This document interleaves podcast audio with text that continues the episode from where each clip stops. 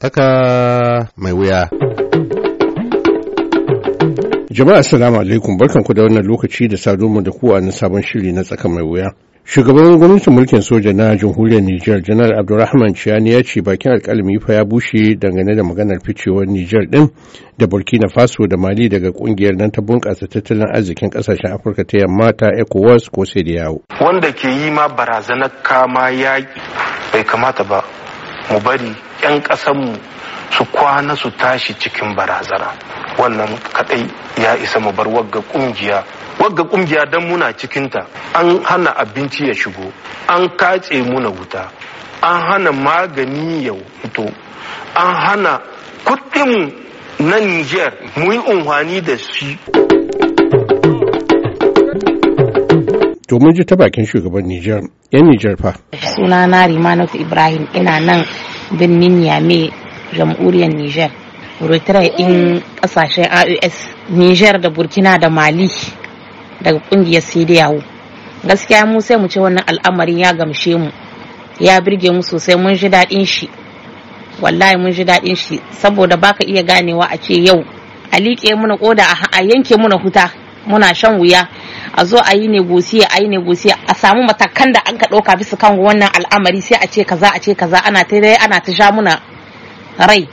To yanzu dai da al'asimu gwaita da abdurrahman chani da na burkina ibrahim traore da suka ɗauki matakai gaskiya matakin gar sun ka ɗauka ya birge mu.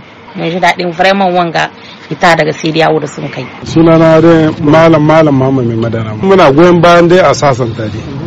Ba mu goyon bayan haka yar wannan fitar gada yanzu misali kama akwai mutane wanda suke ƙasashen waje to su wanda ya za su akwai an kasuwa masu fita kenan dole su ma sai sun samu matsala.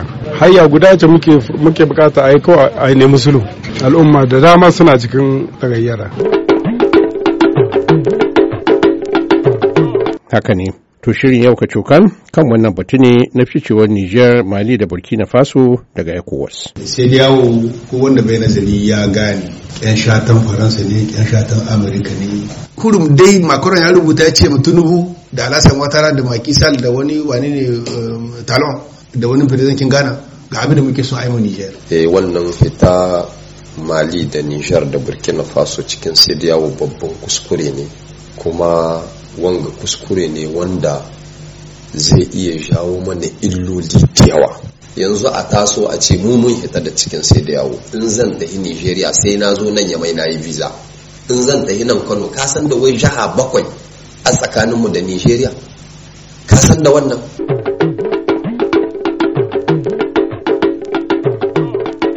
To don tattauna wannan babban al'amari na ficewar waɗannan ƙasashe guda uku daga wannan babban ƙungiya ta tattalin arziki ta ƙasashen Afirka ta yamma wakilinmu na birnin mai Sulaiman Muni Barma ya gayyato mana wasu manyan 'yan siyasa guda biyu da su duka biyun ba wanda bai yi takarar shugaban ƙasa ba a can Nijar. Ina muku magana Alhaji Tahiru Gimba da kuma intanet kare Alhassan kuma ga da bakin nasa. President Tahiru Gimba bari mu fara da kai. Shin ya kake kallon matakin ficewar waɗannan ƙasashe daga ƙungiyar Sediyawo?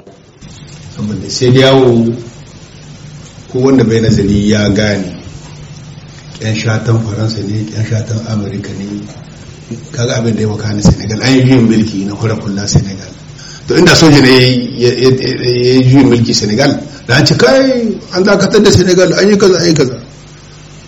An kashe presidentin chad a sa dan shi an ka soji an ka an ka dankala makarar shi daga ta tabbatar da shi. An ka ɗauki matakai gare mu waɗanda ba su ba shiri ba zato ba su cikin kundin tsarin sai da yawo. Ba su cikin kundin tsarin iyomuwa. Kurum dai makaron ya rubuta ya ce tunubu da alasan watara da maki sal da wani wani ne talon da wani presidentin ghana ga abin da muke so a yi Niger. An ga yi malishi. To amma a ka'ida ta ce duk ƙasar da aka yi juyin mulki za ta fuskanci wasu matakai na ladabtarwa. Ba su wuce uku ba. Idan aka yi la'akari da protocol additional wato yarjejeniyoyi da aka kara sakawa hannu a dubu biyu. Ba su duk wannan ba su wuce ba, ba su wuce matsayi uku ba. A dakatar da ƙasar cikin tare-taren da duk hukumun tahiyyar da aka yi na na. Amma ba a taba ci a ruhe banki ba. Inda kana ajiye kuɗin ka a ci a ruhe maka shi. Sai masha Allah sai ran da wai ka komo kai demokrasiya. Demokrasiya mine ne demokrasiya? A raba kuɗi tsakanin wasu talaka su yi wasu arziki ko mine ne? Ai ba da abin demokrasiya ba ta gaskiya ba ce. Ni da ana na ya takarar shugaban kasa garin mu ni na an magajin gari wani gaza ba ce. Duk wanda ya samu matsayi kasa inda hito na zaɓe bai yiwa a ce aka da ƙuri'a ƙuri'a shi ma ba ta hito ba.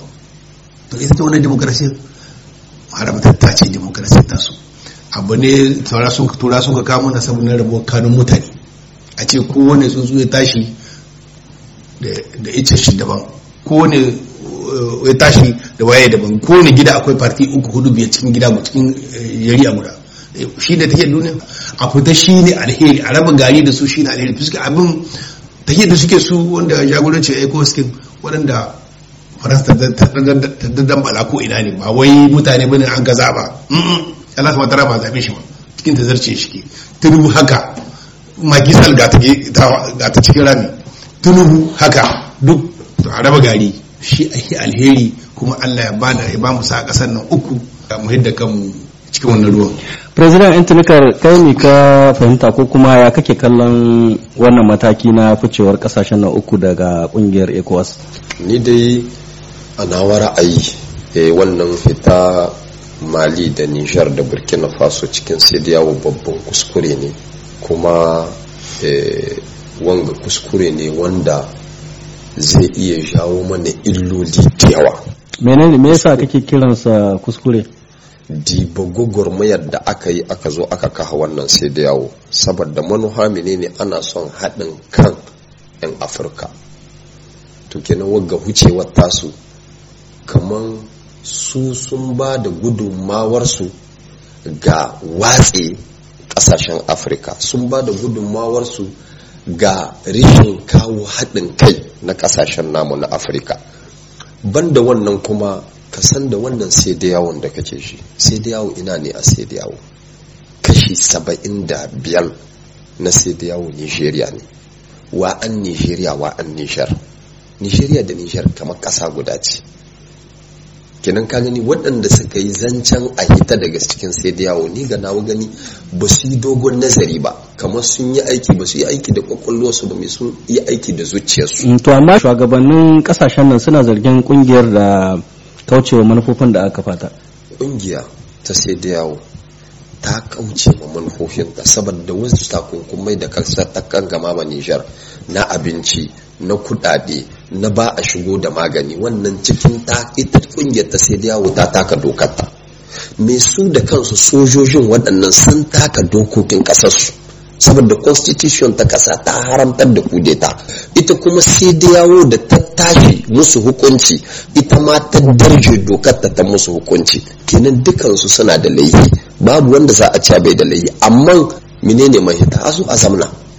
Menene matsala? Su waɗanga da suka ce sun yata sai da yawa suka yi mashawara akwai alamun nishar ana misali nishar ana zargin sai da yawon da kamar tana jan kafa ba ta da niyyar a zauna a yi sulhu. Ganin yadda a baya bayan nan wata tawagar da ya kamata ta zo a tattauna da hukumomin mulkin soja na rikon kwarya ta sanar cewa ba za ta samu zuwa ba saboda da farko sun ce babu ba samu izini na jirgin sai nan ba. Na biyu sannan suka dawo suka ce a jirgi ya lalace. Kamar yadda muka ji prime minister lamin zane na faɗa. to mun shi a jirgi ya lalace ko kaka aka yi mu yi makan mu adalci. Saboda radda sai da yawon ta ce za ta zo nishar ai yara suka tahi yan wanga shinkafa sanni ko labusanni su suka tahi suka tattare hanyoyi. Sai da yawa ai suna da labari an zo. Za ka zo kai garin mutum ka zo a walakanta ka? Ba. Da amman ba su son ai shirin. Ba su da niyyar shiri ko guda da sai da yawo. Daman suna da manuhohinsu daban kuma manuhohin su ne a hita daga cikin sai da yawo. Shi wannan hitar da cikin sai da mutane su yi hankali su da kansu hukumomin su yi hankali. Saboda ƙasar nan ta mu da su ne mu duka. Kuma da suka zo mulki suka kwashi mulki da ƙarfi cewa suka yi za su yi aiki da abin da talaka ke so. To nan ba su yi aiki da abin da talaka ke so. Saboda wanga abu zai gurbatar da talaka. Saboda kaga sai da yawo. Yanzu a taso a ce mu mun hita da cikin sai da yawo. In zan tafi Nigeria sai na zo nan ya mai na yi visa. In zan tafi nan Kano ka san da wai jaha bakwai a tsakaninmu da nigeria ka san da wannan? 'yan niger nawa adda kwai cote d'ivoire? Yanzu 'yan niger waɗanda adda kwai cote d'ivoire sai sun dawo nan niger sun yi passport sun yi visa su koma can. President tayar gimba wani irin alfano ne waɗannan ƙasashe da al'ummominsu za su samu bayan ficewa daga ƙungiyar nan? To nan abin gane shine sulai sai an zo da an kai sai an koma bayan kaɗan dan dan uwana wanga ita duka daga gane abin da ake ne menene mabuta ita sai da yawo ke daga gani. Sojin da sun ga juyin mulki su tara a cikin ran da aka kawo ta yakubu gawarci da kanshi. Na san shi wanda sanka don milisa ta ya bayan yawa gidan shi. Sai da yawo kinin yakubu gawan lagos an kawo ta inda son son kenan 1975 shi ma general ne mai juyin mulki. Sai kun ce lieutenant colonel lieutenant colonel na niger. Lamizana yana general na hotubalta ta zan burkina musa tarawore yana general na mali. na mali. Kiriku na benin wanda ta ya kwanan ne shi ma. A wanda ta ya kwanan ne. Ya yi mulki shi ma ya hau. Na murtani. To an ka diba wa an ka tambaya wani wa mutane shi ne ake ta yi. Wa an ka tambaya an ka kawo ecos. Sojoji ne sun gaji mulki ko ina suna kaso ka ta ko ya zo da ya shi a zuwa zama amma wasu na cewa kamar da shiri ne tsari ne wanda sun riga sun tarar su waɗannan sojoji ba wai ainihin sojoji su abin ya dema general ne na togo shi ma.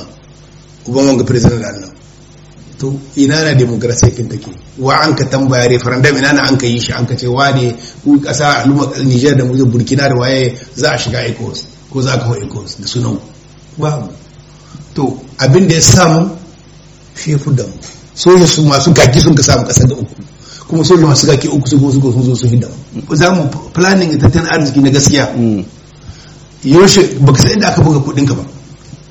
Baka san inda aka zancen shin sai dai wa ayyanka ba faransanci. Communauté économique des états de l'Afrique de l'Ouest.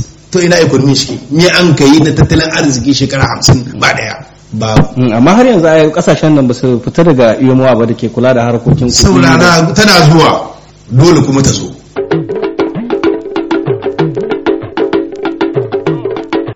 To a gaishe ku malamai to wannan shine ƙarshen kashin farko na wannan tattaunawa da muhawara kan batun ficewar waɗannan muhimman ƙasashe guda uku na Sahel daga ƙungiyar ECOWAS. Idan Allah ya kai mu rana wato za mu dawo mu ci gaba. Mu ji shin meye tasirin fice wannan tasu kuma wace wahala za ta janyo musu ko kuma ta janyo wa makwabtansu. Sannan tunda sun yi ce ECOWAS ya magana zama cikin ƙungiyar nan ta ta kuɗaɗe ta Afirka ta yamma wato umuwa sannan za mu ji shin shugaban najeriya tinubu ya ɗau matakin da ya ɗauka matsayin shugaban najeriya ne ko kuma a matsayin shugaban ecowas? Ba da bayan haka wani asara ko kuma walhalu ficewa wannan ƙasashe za ta janyo musu da su kansu makwabtan nasu? Musamman da yake wasu na cewa najeriya ma ta fi shiga wahala fiye da niger dangane da wannan abin da ke faruwa. To sai mun dawo rana wato din yanzu muna son mu yi godiya ga su baƙi namu alhaji tahiru gimba da kuma intanikar alasan da shi kan shi wakilin namu na can yamai suleiman muni barma da ya haɗa mana hancin wannan muhawara kuma muka kawo muku ita. A madadin su ne ne aliyu mustapha sakuta a washington huta lafiya.